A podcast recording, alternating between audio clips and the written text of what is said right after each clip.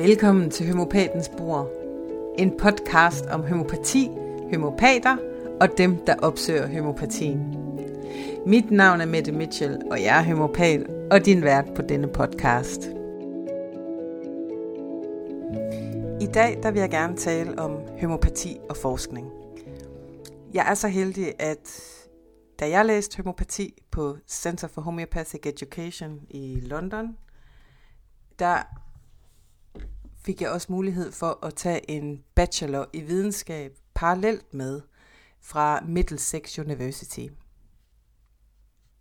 Man behøves ikke at tage den bachelor i videnskab sammen med homopatistudiet, men det valgte jeg selvfølgelig at gøre, for jeg synes, at det var ret vidunderligt, at man kunne få en bachelor i videnskab i homopati. Det var en stor mundfuld, at kaste sig over så to store emner på én gang, altså både homopatien og videnskaben.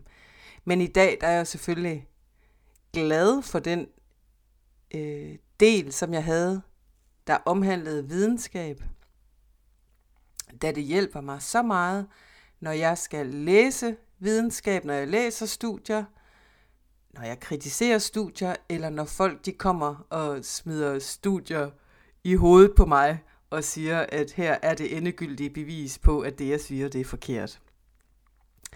Det giver en dejlig sikkerhed at kunne sætte sig ned og læse de her dokumenterede fund, som videnskab jo påstår, at det er. Og det giver selvfølgelig også en god vinkel på at forstå, hvorfor det er så svært i virkeligheden at lave god forskning om homopati. Fordi der er nogle helt kæmpe store generelle grundprincipper i den måde, som man kan kalde for klassisk forskning udføres på, som vi ikke kan udføre på samme måde med de homopatiske midler. Lad mig forsøge at forklare det en lille smule. Der er nogen, der siger, at hele den forskningsmodel, som vi arbejder med, i sådan den almindelige medicinske forskning, at den bør vendes på hovedet, før at vi kan gå ud og lave ordentlige studier på rigtig meget alternativ behandling, og naturligvis også i høj grad homopati. Lad mig forsøge at forklare det. Når at man laver almindelig medicinsk forskning, så når man skal ud og søge fondsmidler til at udføre den her forskning, så baserer man det ofte på noget, som man kalder sådan pre-clinical trials. Og jeg tænker, der findes sikkert også et rigtig godt dansk ord på det. Jeg har læst i England, så ja, der må jeg sige, der, der har jeg ikke fået lært de der ord på dansk. Så meget beskæftiger jeg mig heller ikke med forskning i det daglige, må jeg jo erkende. Men de her pre-clinical trials, altså det er jo tit sådan noget, som der foregår i et reagensglas.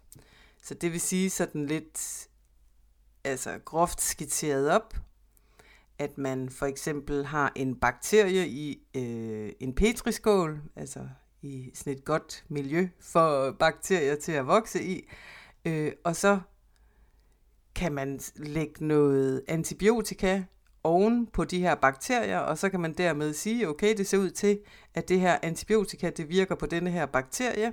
Nu kunne vi godt tænke os at tage forskningen videre ud og se, altså hvordan virker det for eksempel i dyreforsøg, hvordan, og så, hvad skal man sige, sådan i sidste stadie, hvordan virker det på mennesker.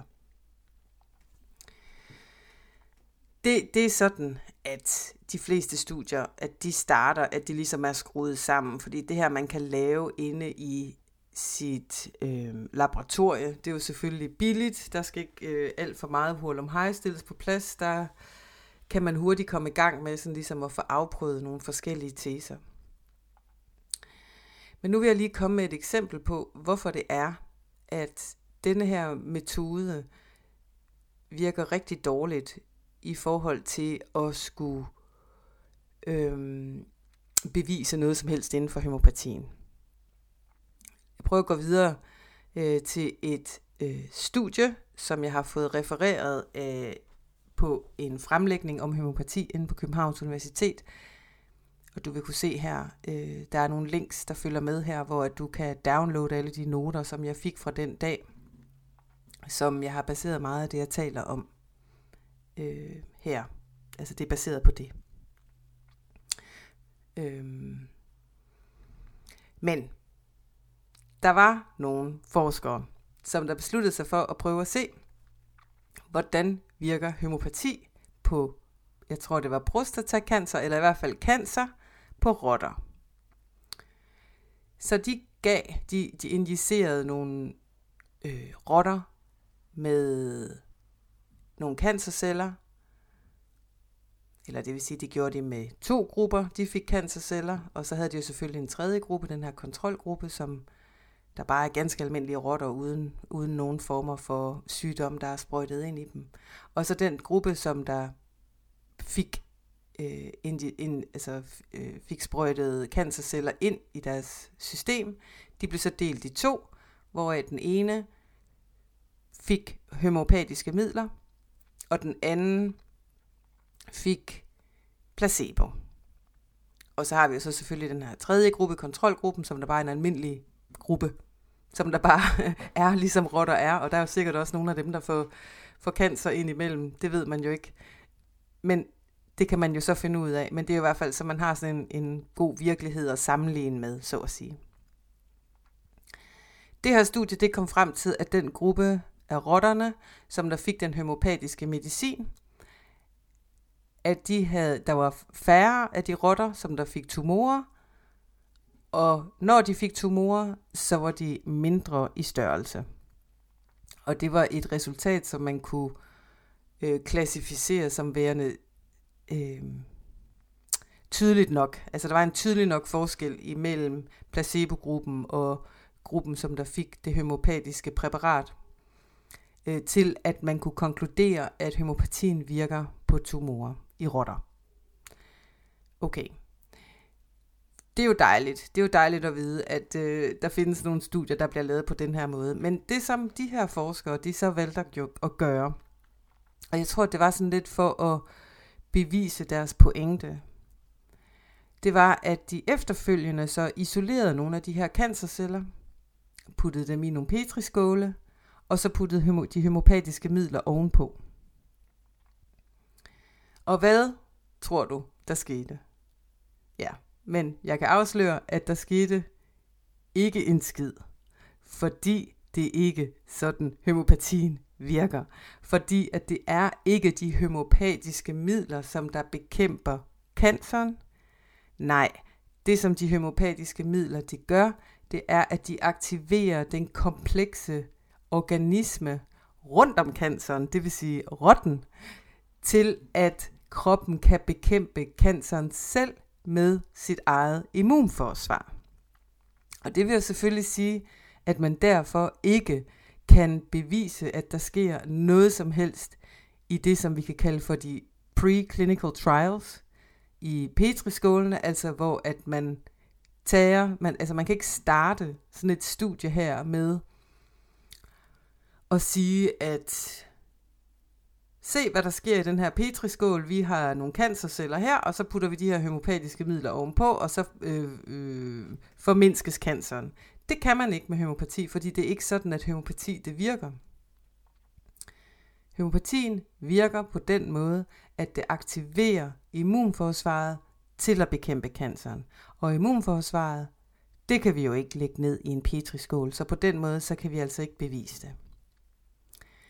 Men det er, hvad skal man sige, det hierarki, som sådan den almindelige forskning arbejder inde for, og det er den model, man arbejder med. At tingene, de skal kunne bevises på sådan et eller andet øh, klinisk øh, forløb, hvor at man kan se, at, at øh, det her produkt har denne her effekt. Sådan er det ikke med homopatien. Det er jo den ene ting selvfølgelig, altså fordi at vi arbejder med at aktivere immunforsvaret. Men også det der med, at vi ikke udskriver til en sygdom eller til en diagnose, men at vi udskriver til den komplekse organisme rundt om diagnosen, så at sige. Jamen så er det jo klart, så må vi jo sidde og tage stilling til, hvem er den her komplekse organisme rundt om sygdommen? Og det er jo lige så individuelt, som vi er mennesker. Og det er jo derfor, at vi har så mange spørgsmål i den homopatiske konsultation for at finde ud af, hvad er det rigtige middel. Fordi at de homopatiske udskrivninger, de simpelthen virker på en fuldstændig omvendt måde af, hvordan den allopatiske eller den medicin, som du kender ned fra lægen, den virker på. Så det bliver jo meget kompleks, kan man sige, på den måde. Også i den forståelse selvfølgelig, at, at man kan sige, altså hvis man kigger sådan på den allopatiske eller sådan den klassiske forskningsmodel, så starter man med de her i petriskålen og siger, når der sker noget spændende her, lad os prøve at tage det videre i nogle dyreforsøg. Og så efter at man har været i dyreforsøgene, så tager man det så ud til nogle menneskeforsøg, og så efter at det har været på de her menneskeforsøg, så tager man det videre ud på øh, befolkningen. Men der er det jo helt omvendt, altså med de homopatiske midler, fordi der har vi jo faktisk altså den største, de største beviser, som vi har. Altså det, det, det er jo det, vi kalder for kliniske observationer. Og kliniske observationer, det er, at man sidder på sin klinik, og man kan så observere noget, som det bliver ved med at ske igen og igen og igen. Det hedder simpelthen bare en klinisk observation. Ja, det dækker mange forskellige ting. Men altså, der er jo, det har jo en værdi, hvad det er, man som faglig fagperson oplever i sin praksis. Det har en værdi. Det er ligesom, når det er sådan, at øh, du tager til læge, så lægen kigger også på dig og vurderer ud fra det samlede, som lægen ser, vurderer ud fra, hvor syg du er, og hvordan du har det. Det er jo ikke bare blodtrykket, og det er jo ikke bare øh, din temperatur, der bliver kigget på. Og det er jo i og for sig også det, man kan kalde en klinisk observation. Kliniske observationer er også, at jeg kan observere igen og igen, at jeg har et øh, kombinationsmiddel, som der hedder CCA, som jeg kan se virker igen og igen og igen og igen og igen på hoste. Men at jeg kan sidde og se, at det her middel, det virker igen og igen og igen og igen på hoste, og at det er jo et, et middel, jeg har fået anbefalet af en kollega, og at jeg siden har anbefalet det til mange andre kollegaer, og at jeg bliver ved med at høre om, hvor fantastisk det her middel det er til hoste, ifølge de kliniske observationer, som der bliver lavet ude i den enkeltes praksis. Det kan man ikke tage ind til Lægemiddelstyrelsen og sige, hey, vi har øh, nu på de sidste, hvad er det efterhånden, jeg tænker, det middel det har eksisteret i nok omkring 50 år. Der er nu i over 50 år blevet lavet kliniske observationer på, at det her middel det virker fantastisk på hoste. Øh, kan vi godt få lov til at sige, at det her middel det er et godt hostemiddel? Og det svaret på det er selvfølgelig nej.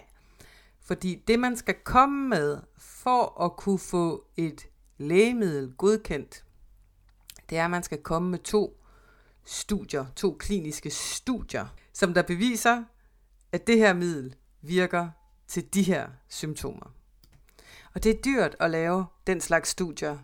Det koster mange penge, fordi at det skal selvfølgelig foregå på en måde, øh, altså på den rigtige videnskabelige måde, med rigtige videnskabelige metoder, som der bliver ordentligt nedskrevet, så det her studie det kan gentages af andre rundt omkring på kloden, hvis de skulle have lyst til at prøve og efterprøve, om det man siger, det er korrekt.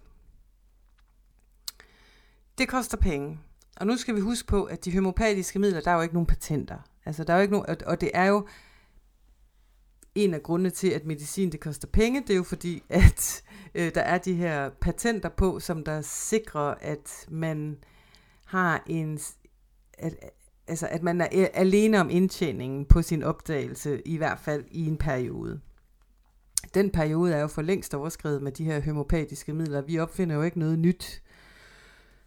Øh, det er jo i og for sig, hvad skal man sige, gamle midler, som der man skulle gå ud og teste øh, i den kliniske videnskabelige model for at tilfredsstille nogle myndigheder. Det koster penge, det er der ikke nogen, der har råd til. Og hvis det var sådan, at man skulle ud og søge nogle penge til det, så ville det være meget sandsynligt, at man ville blive bedt om at aflevere sådan nogle af de her preclinical trials til at gå ud og søge midler på det på. Altså, hvor, altså det er ligesom den metode, man kender. Det er sådan, okay, der er nogen, der har fundet ud af det her på den her måde. Det ser spændende ud.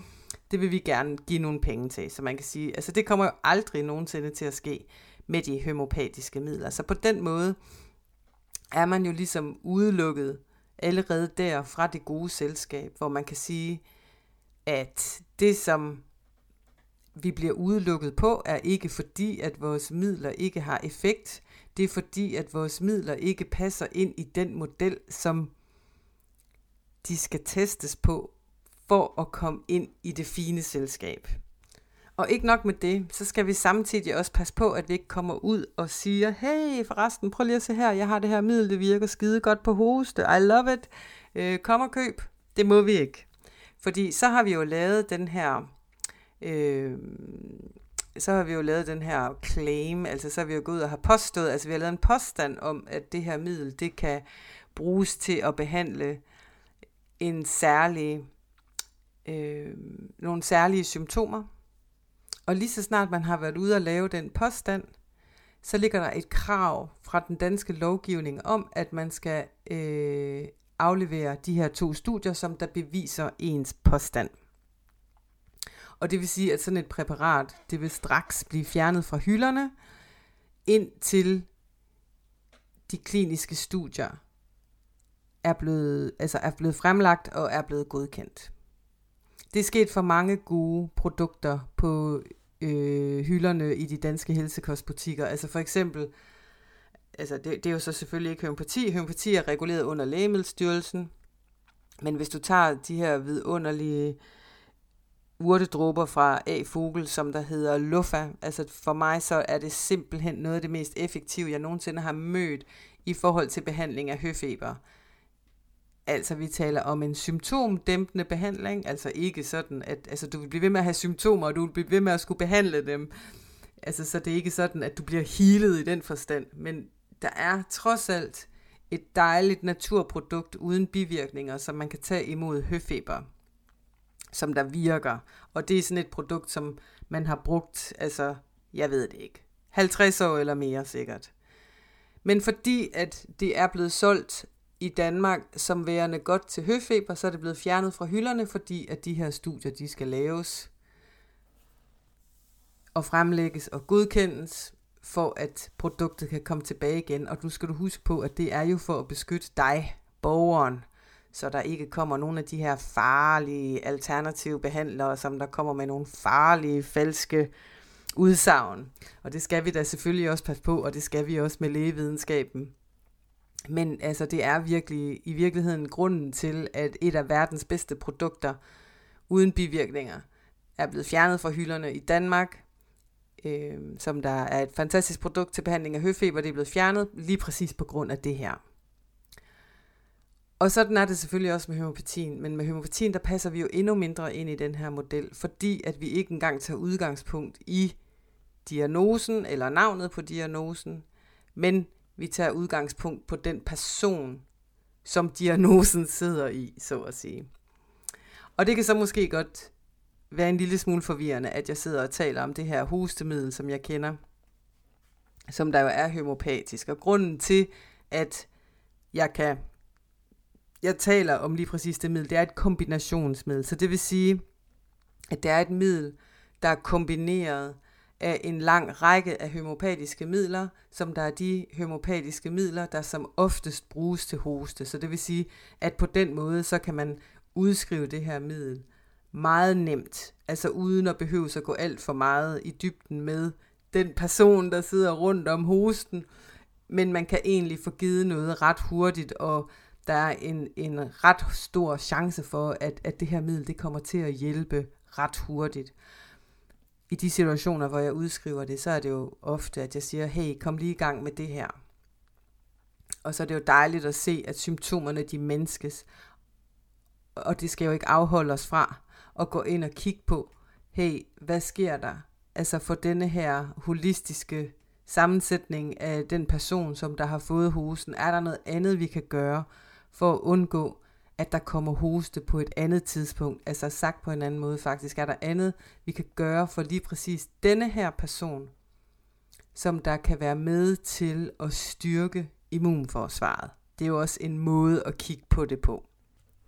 Men denne her måde at holde homopatien uden fra forskerselskabet, så at sige, med at man har besluttet sig for, denne her forskningsmodel, at det er den, som man arbejder med, det er den, som folk kender, øh, det er den, folk, der normalvis vil donere, donere penge, de har måske taget en principiel beslutning om, at det er den model, som de arbejder med, så er der jo sådan en, en helt naturlig udelukkelse af homopatien på den måde.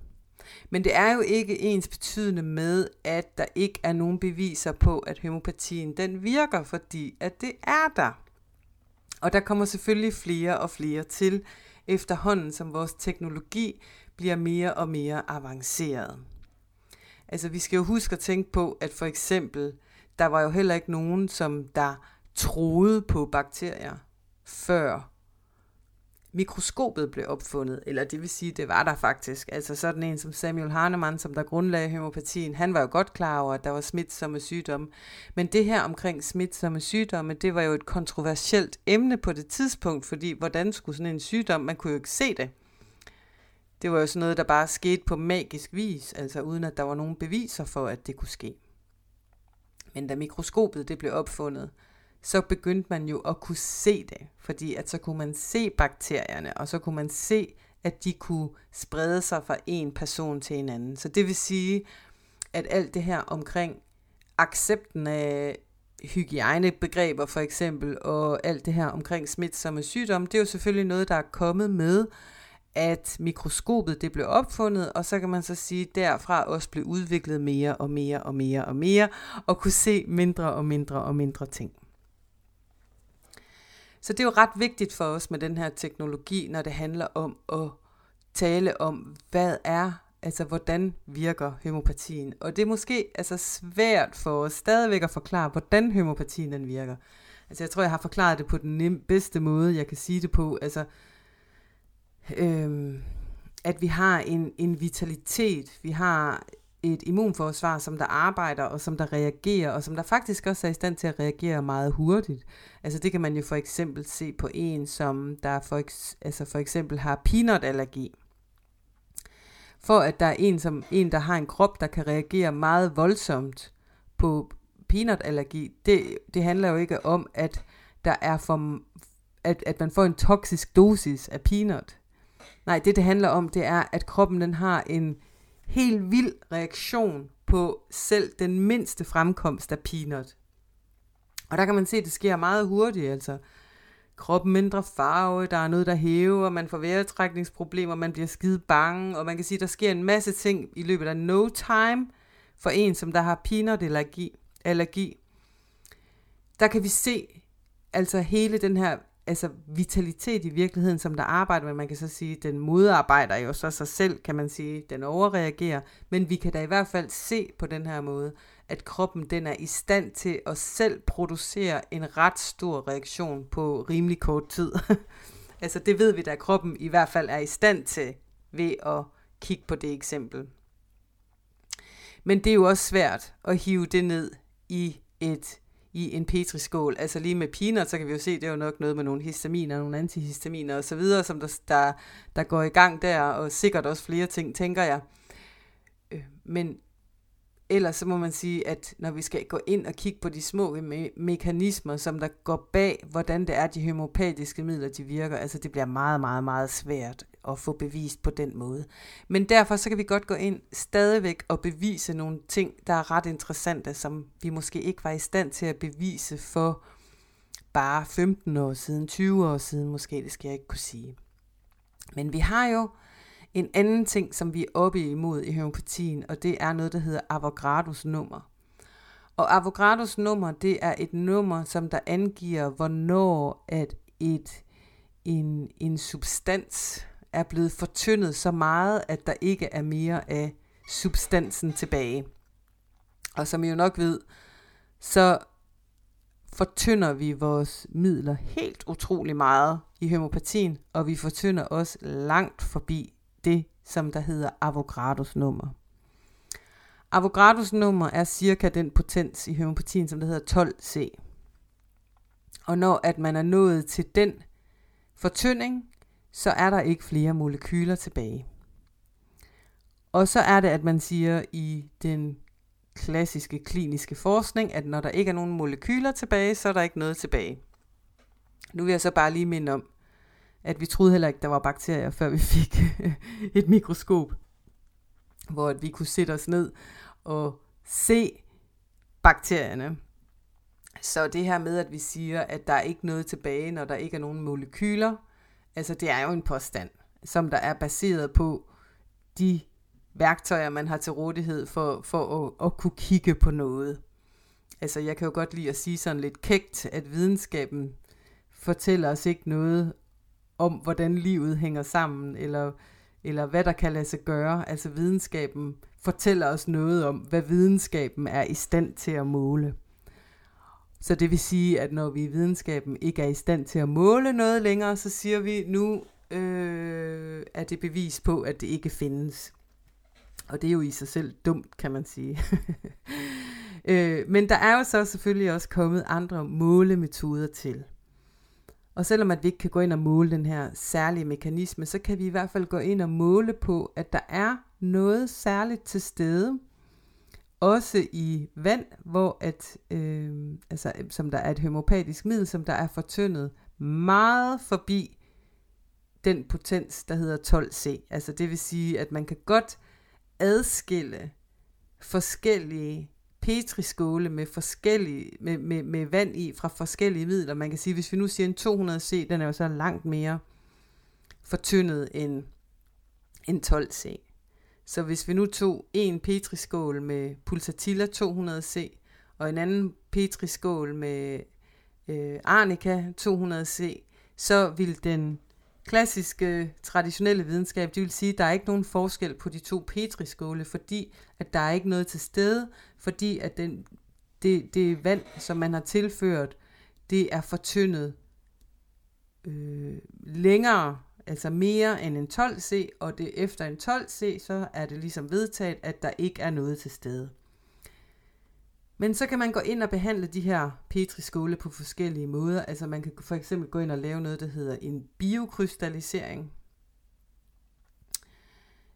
Og, og, og det skal man så læse. Den her biokrystallisering, den skal læses med sådan en meget fin øh, laser, som man bruger for eksempel til fremstilling af øh, øh klæder, altså af, af, af stof, altså øh, silke og så videre. Altså når man skal ind og se, hvordan er vævningen på det her. Øh, der findes nogle meget, meget, meget fine, fine øh, digitale løsninger, som der kan gå ind og scanne på det der, og så se på det. Og når man går ind og bruger den teknologi, øh, sammen med biokrystallisering, så kan man tydeligt se forskel på pulsatilla og arnica i den her metode. Og man kan også gå ind, hvis man har flere petriskåle, som der alle sammen er med arnica 200C, så kan man også se, at de er det samme. Og så det er, det er sådan en ny form for teknologi, som der ligesom er kommet på plads, altså som man, som man kan gå ind og bruge på den måde. Der er også lavet nogle andre forsøg, hvor at man har brugt nogle indfarvningsprodukter, altså så det vil sige, man har man har brugt noget i det her vand, øh, som lad os bare holde os til eksemplet, altså hvis man siger, man havde noget vand i Arnica 200C, og man havde det andet vand, det var øh, Pulsatilla 200C. Hvis man så indfarvede det med det samme stof, så at sige, så vil resultatet stadigvæk blive forskelligt. Altså så man kan se, at på den måde, at det er forskelligt, hvad der foregår i den ene petriskål i forhold til den anden petriskål. Så altså man kan sige, at der findes andre forskningsmetoder, som man kan gå ud og tage fat på, og så, som man kunne bruge til at åbne mere op omkring accepten af, at der, at der er kliniske beviser for, at de homopatiske midler de virker. Altså man kan sige, og ud over det, så findes der også rigtig mange gode kliniske studier, gold standard, altså veludførte studier, som der beviser effekten på homopati. Der er ikke lige så mange selvfølgelig overhovedet, som man kan gå ud og finde på øh, medicinske produkter, men der er så trods alt også den her overordnede øh, tendens til, at de homopatiske studier, at de er i en bedre kvalitet. Altså at man kan sige, at når man først sætter sig ned og laver noget forskning omkring homopatien, så sørger man virkelig for at gøre det ordentligt, fordi man gider, man ved, hvad, det, hvad for en ballade, der kommer bagefter. Der har også været nogle øh, forsøg på sådan at at diskri- diskreditere homopatien. Altså der er øh, der var et studie, som der blev lavet, der hed The End of Homeopathy, som der var det, øh, altså hvor man bare har, hvad skal man sige, kigget på rigtig mange forskellige studier omkring homopati, og ud fra det, altså en metaanalyse, og ud fra det lavet en konklusion på, øh, hvad, altså hvad er det samlede resultat, når vi kigger på alle de her studier sammen. Meget, meget berømt studie, der blev lavet. Meget publiceret. Øh, The End of Homeopathy. Værsgo og skyld. Øh, det er der altså nogle gode mennesker, der har sat sig ned og, og pillet fra hinanden. Og har fået stillet nogle spørgsmål tilbage til den gruppe, som der har lavet den her metaanalyse, blandt andet omkring deres metode, som de ikke kunne gå ud og genskabe. Altså de kunne ikke få at vide, hvilke studier øh, var det i det hele taget, som det, det her, den her konklusion var baseret på, fordi selvom at de havde hundredvis af studier om homopatien, så valgte de så otte ud, som de ligesom mente, der repræsenterede det hele, men de kunne så ikke få at vide, hvilke otte studier det var, de havde valgt, valgt ud øh, som deres konklusion om, at The End of Homeopathy var baseret på. Og de har så senere også været ude og ligesom give til kende og sige, ja okay, altså vores konklusion var vist ikke helt så skarp, som vi gik ud og påstod til at starte med. Alt det kan du se i den præsentation fra Dr. Peter Fischer, som der ligger link til her, som du kan gå ind og hente fra min hjemmeside. Øh, han var også øh, øh, dronning Elisabeths homopat. Fordi som I måske ved, så bruger det engelske kongehus, de bruger homopati. Og så, har der, så er der en anden sag, som jeg, jeg ved ikke rigtig faktisk lige, hvor den er hen lige nu, men jeg ved i hvert fald, at der bliver taget sig af det, men altså, der blev lavet et stort australsk studie, som der ligesom endegyldigt, endegyldigt, endegyldigt sagde, at øh, nu kunne man endelig sige, at øh, homopati virker bare ikke. Og der er der så i hvert fald det, der hedder The Homeopathic Research Institute, eller HRR, de er gået ind i det, og er gået i gang med at pille denne her øh, sag fra hinanden, og det er også blevet indberettet til ombudsmanden som værende øh, løgn og latin, det der står i det der studie omkring homopatien, men altså det er jo klart, altså det er jo ikke de overskrifter, som vi får, vi hører jo ikke noget om, at sådan et studie, at, at øh, det måske ikke var helt rent i kanten, når overskriften om, at øh, nu har man endelig afsløret, at homopatien ikke virker, først har været i aviserne. Det er jo ikke sådan, at det virker. Og det er jo så desværre de overskrifter, som vi husker. Det gør det lidt besværligt, men altså, man skal også huske på, at homopatien den er her stadigvæk, på trods af alt det her. Homopatien har jo været, hvad skal man sige, bekæmpet siden øh, grundlæggelsen af oh, øh, AMA, nej, er det AMA, American Medical Association, jo, lige præcis. De havde det med i deres vedtægter, at de skulle få bekæmpet de her homopater, som der stjal deres forretning. Hvorfor er det egentlig, at øh, de siger, at vi stjæler deres forretning? Jamen, det er jo fordi, at de havde slået sig sammen med apotekerne, Øh, og apotekerne, de kunne ikke lide homopaterne, fordi at øh, homopaternes medicin var virkelig svær at fremstille, og det var en lang og møjsommelig proces. Og desuden så skulle patienterne heller ikke have særlig meget af det.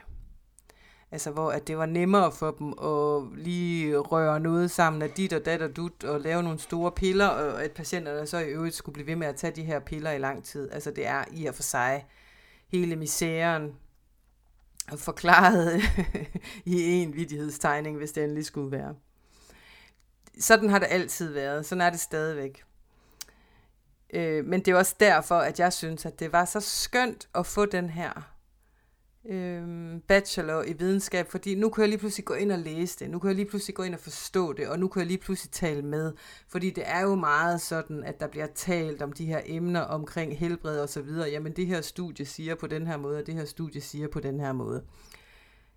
Jeg har aldrig nogensinde udført noget forskning selv. Altså jeg har lavet det, der hedder et research, research proposal, jeg ved ikke, hvad det hedder på dansk, altså, men, men, men lavet et oplæg til, altså, altså hvad skal man sige, gjort alt klar til at udføre et studie, fordi alt skal jo selvfølgelig være skrevet ned, fordi man skal gøre præcis sådan, som man har skrevet ned, og så videre, for at man følger den protokol, man har lavet. Det hedder vel en protokol, tænker jeg. Og så, så, så, så, så langt, så godt øh, har jeg været med. Øh, jeg er ikke altså, som sådan interesseret i at gå ud og lave noget forskning på den måde. Øhm, men fordi at jeg har den her bachelor i videnskab, så kan jeg gå ind og læse forskningen, jeg kan forstå det, og jeg kan også gå ind og se, hvor nogle af de mest almindelige fejl de er. Så det er jo i og for sig en, en dejlig pind at have i ryggen, når det er sådan, at man falder i snak med nogen, som der kommer og siger, øh, at de har et eller andet studie, som der er endegyldigt bevis på et eller andet. Man kan sige, at de fleste studier er bygget op på den måde, at først så skriver man den her abstract, hvor der står, hvad er det, vi vil undersøge. Og så bladrer man forbi øh, alle siderne, og så går man direkte til konklusionen, og så læser man konklusionen, og så siger man, at det er det her, de har konkluderet. Men det er jo ikke altid, at konklusionen måske helt stemmer overens med alt det, der står indimellem, som der er selve udførelsen af studiet. Og det er jo det, der er dejligt og ret kedeligt, hvis jeg skal være helt ærlig, øh, at man kan gå ind og læse det. Men jeg ved i hvert fald lige sådan nogle nedslagspunkter, som man lige kan gå ind og gøre for at se, om, om noget det er ordentlig forskning, eller det ikke er. Og jeg kan i hvert fald berette og fortælle, at der ligger virkelig meget dårlig forskning derude, og at det ikke er sikkert, at det vi bliver præsenteret for, at, øh, altså, øh, at det altid er lige præcis sådan, som det bliver præsenteret for os.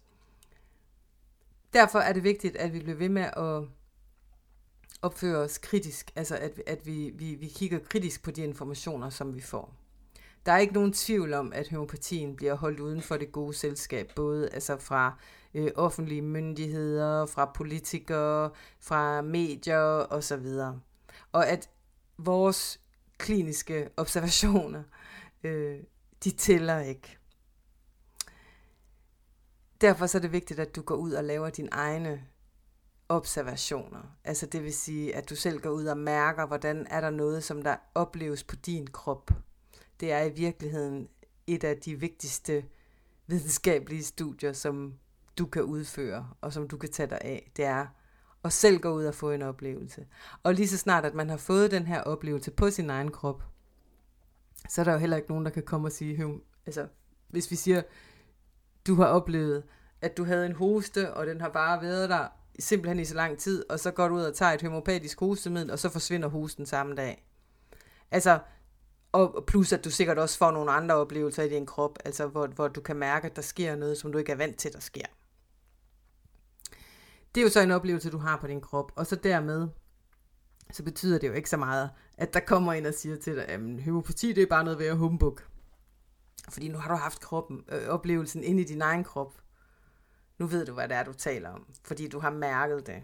Det behøver du ikke noget studie for øh, at få bekræftet, at det rent faktisk skete. Det var, hvad jeg lige havde at sige om homopati og forskning. Jeg håber, at du vil gå ned og bruge de, det link, som jeg har lagt her i beskrivelsen af den her episode. Så kan du få direkte adgang til de studier, som jeg har omtalt eller præsentationer af forskellige studier, som jeg har omtalt. Øh, dem får du adgang til. Her er nogle slides fra en præsentation, der var på Københavns Universitet. Hvad hedder det? Farmaceutisk selskab, eller hvad hedder det? Jeg kan ikke huske. Det var meget fint i hvert fald. Øh, og de her slides, de blev sendt ud på e-mail efter præsentationen. Og så er jeg desuden også lige linket øh, til en artikel, som jeg skrev for Sund Forskning, hvor at jeg skrev om lige netop mange af de her ting, som jeg omtaler her. Tak fordi du lyttede med. Hvis du godt kunne lide den her episode, så husk at gå ind og følg min podcast også. Du må også meget gerne give den her episode et like. Og det allerbedste vil selvfølgelig være, hvis det er sådan, at du vil dele den her episode eller podcasten med nogen, som du kender. Tusind tak. Vi høres ved.